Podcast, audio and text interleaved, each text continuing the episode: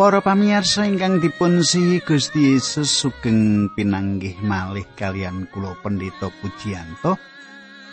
Kados padatan kula badhe sesarengan kalian panjenengan wonten ing salebetipun adicara margi utami adicara ingkang sampun dados kelangenan panjenengan. Kados pundi pawartos panjenengan kateng kula pandonga kula panjenengan tansah pinayungan dening Gusti ingkang murping jagat makaten. Lan kawula suwun panjenengan nyaket kalian kula ing mriki supados menapa ingkang kawula andharaken ing wanci menika saged dados kegiatan saha panglipuran panjenengan. Sugeng midhangetaken adicara menika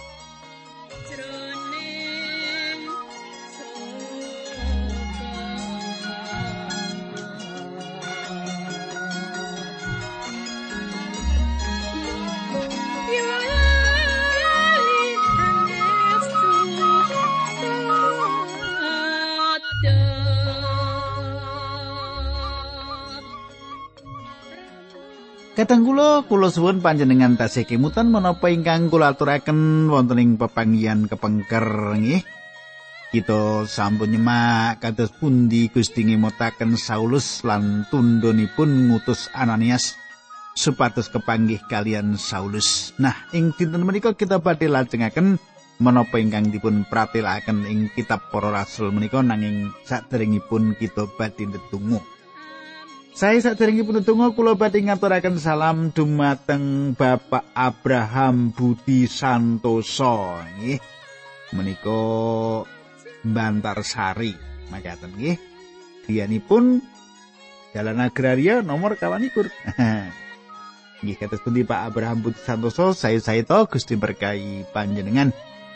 Nah katang kula monggo kita tumungkul kita ndedonga. Dukanjeng Rama ingkang ada dampar wonten kraton ing kasuwargan kawula ngaturaken gunging panuwun menawi wekdal menika kawula saged tetunggilan kalian sederek-sederek kawula ingkang setya tuhu midhangetaken adicara menika. Kawula nyuwun berkah paduka Gusti linambaran asmanipun Gusti Yesus Kristus kawula pasrahaken adicara menika supados paduka tuntun. Haleluya. Amin.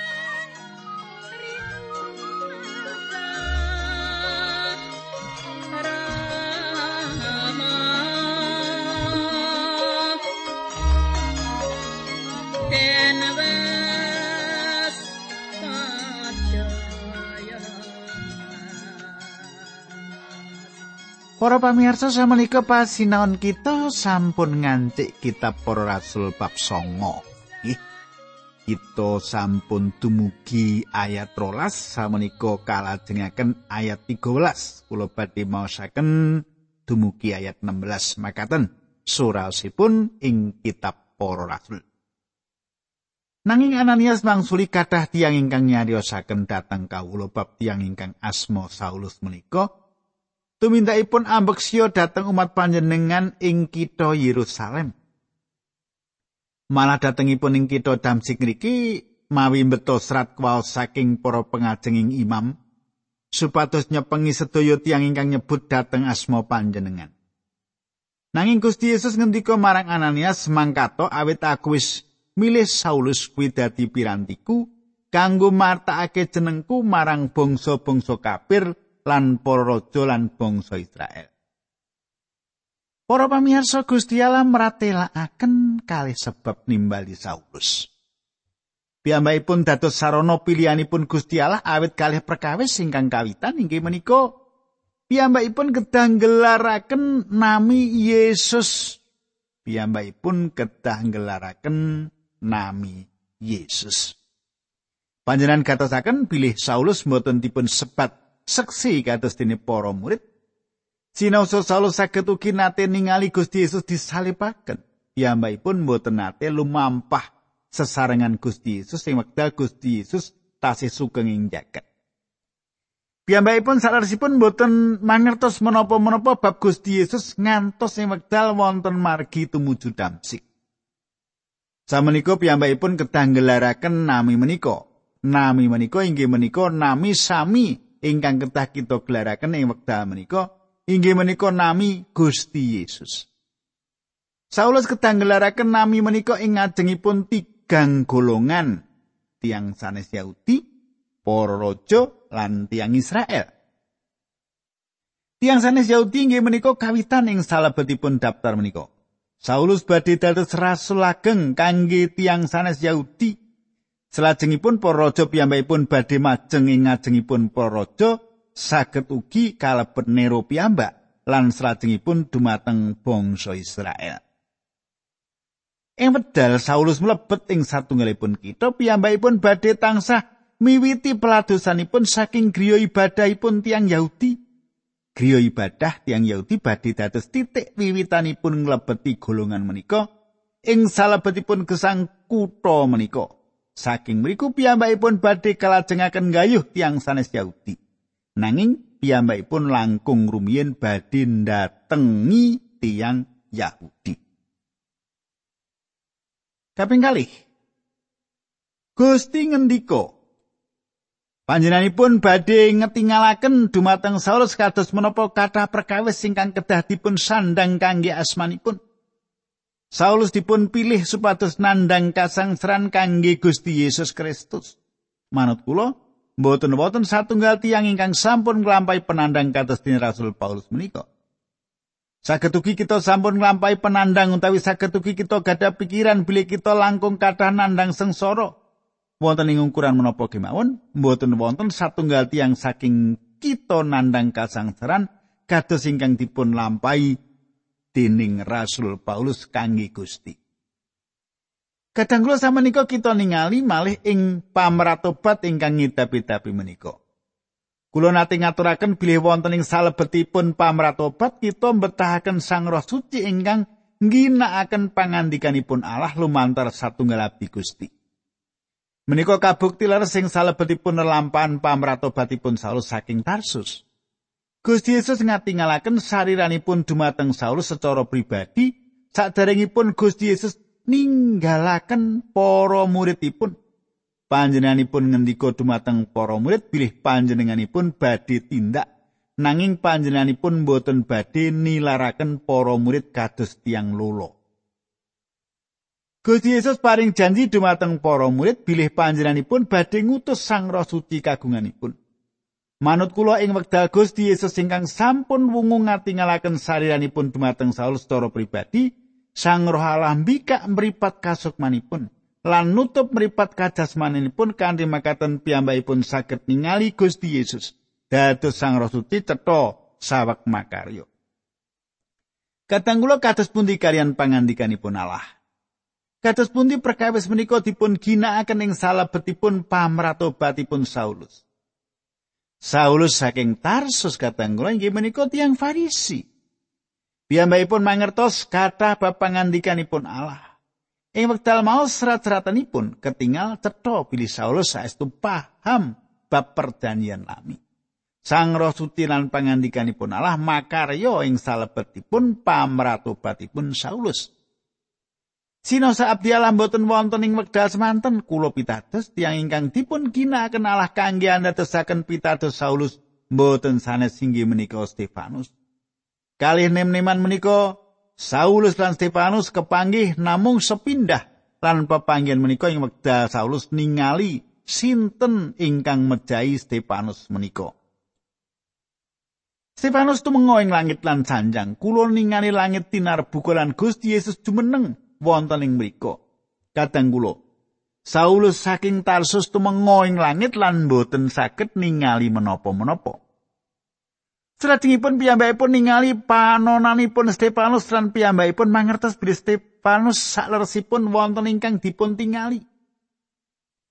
Kula pitados kadang kula bilih Saulus sakleresipun gadah pengajeng-ajeng bilih langit badhe tinar buka lan bilih piyambakipun ugi saged nampeni sawijining visi bab Allah. Lan panci piyambakipun nampi wekdal piyambakipun lumampah dhateng Damsik.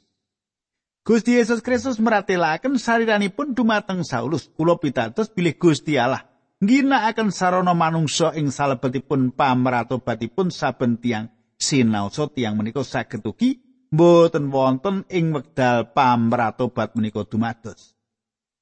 Inggih menika sebabipun panjenengan lan kula kedahipun ngarahaken daya pengaruh kita kangge Gusti Yesus Kristus sing saben-saben. Manut kula tiyang boten bakal mratobat tanpa sarana pitulunganipun manungsa. Dados kenging menapa panjenengan boten dados sarana menika? Menika boten ateges bilih panjenengan kedah damel tiyang sujud. Menika boten ateges bilih panjenengan kedah nglantaraken kabar sae gegayutan Gusti Yesus dumateng piyambakipun. Boten badhe dumados satunggalipun pamratobat ingkang saestu tanpa ngginakaken abdi Allah ingkang ngginakaken pangandikanipun Allah ingkang katuntun dening Sang Roh Suci. Para pamirsa samenika kita wangsul dumateng Saulus saking Tarsus sing pundi kita nilaraken piyambakipun ing Damsik. Piyambakipun tasih wonten ing kahanan buta lan piyambakan kalian terus netungo. Cupi panjenengan semak para rasul songo ayat pitulas. Ananias nuli mangkat dan mlebu omah sing dipondoki Saulus.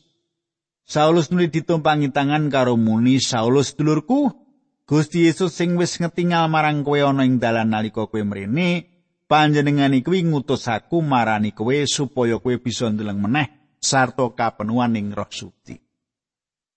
Kadang kula saestu estu satunggalipun ewah-ewahan. Saulus sanes mengsah sinten kemawon ingkang tresnani Gusti Yesus Kristus inggih menika sederek kangge tiang Kristen sanesipun. Saulus badhe dipun pulihaken tetinggalanipun.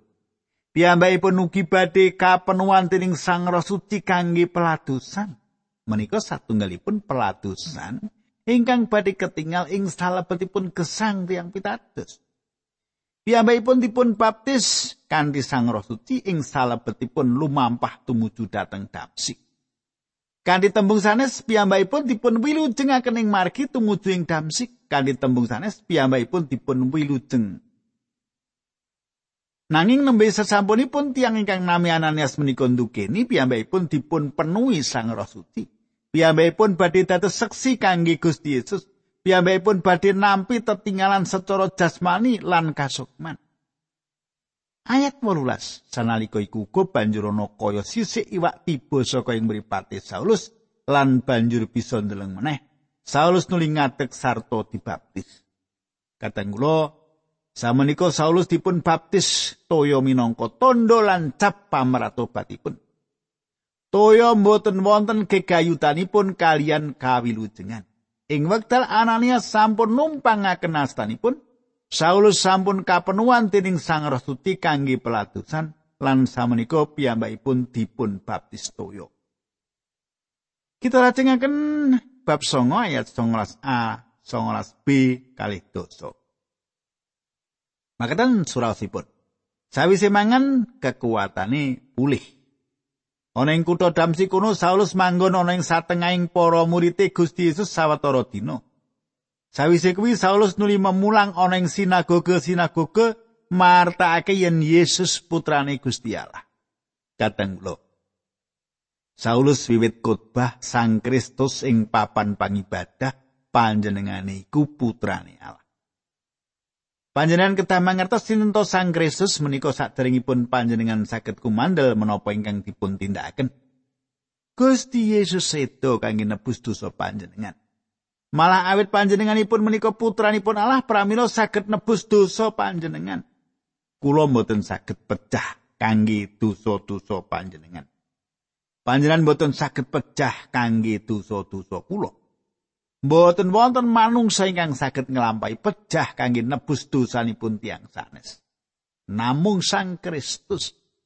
Namung Sang Kristus ingkang saged nglampahi menika awit panjenenganipun menika putranipun Allah.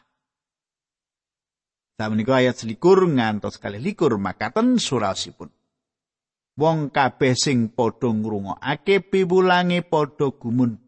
Wong-wong mau padha takon tinakon apa iki dudu Saulus sing mateni saking wong sing padha nyebut asmane Gusti Yesus ning kutha Yerusalem kae.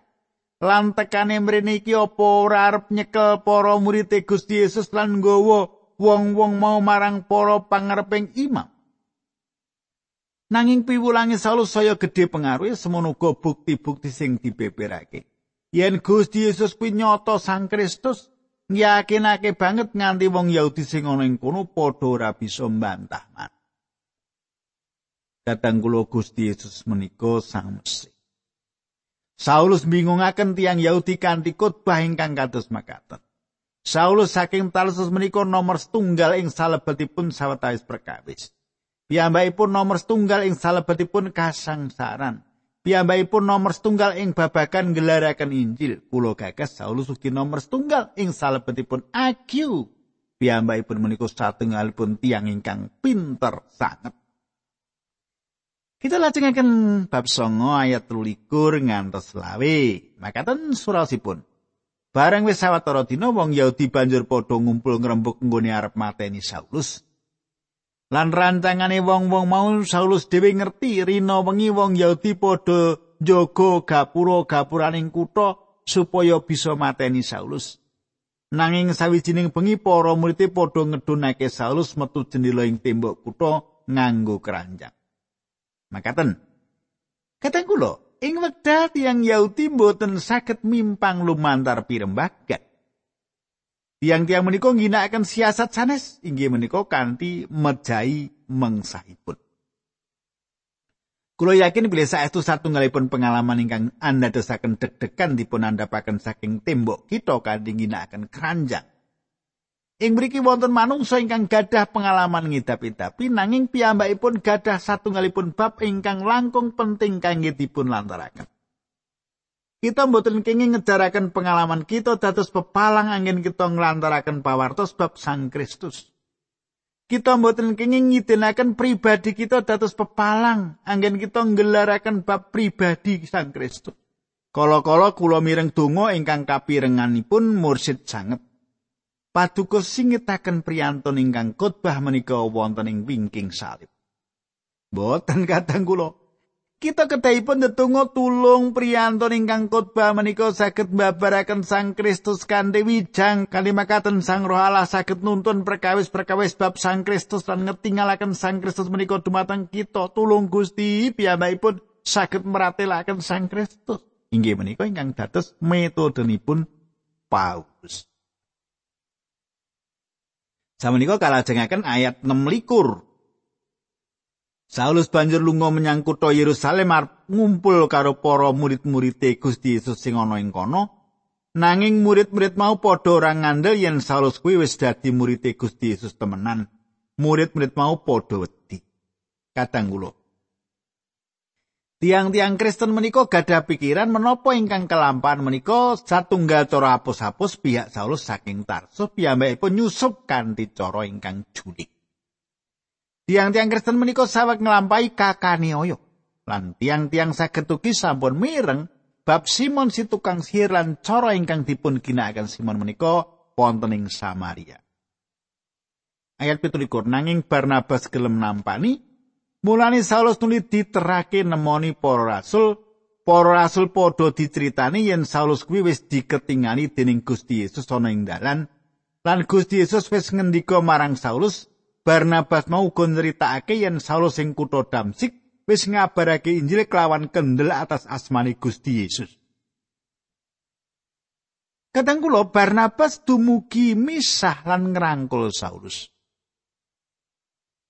Barnabas dumugi misah lan ngrangkul Saulus saestu satunggalipun berkah ingkang ageng kangenipun Saulus. Kados menapa kita betah tiang-tiang ingkang purun ngrangkul tiang-tiang Kristen ninggal lan purun mitulungi tiang-tiang menika. Ayat 12. Saulus banjur manggon bebarengan karo para rasul ning kutha Yerusalem sarta kanthi kendel memulang atas asmane Gusti Yesus.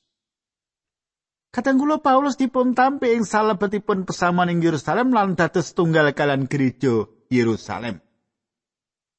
Ayat 29. Saulus uga rembukan lan bebantahan karo wong Yahudi sing basane Yunani nanging wong-wong mau padha ngarah arep mateni. Katanggula Tiang-tiang menika sanes tiang Yunani. Tiang-tiang menika inggih menika tiang Israel ingkang gadah asal usul Yunani. Tiang-tiang menika ageng ing sakjawinipun Israel duka wonten ing pundi ing jagating Yunani.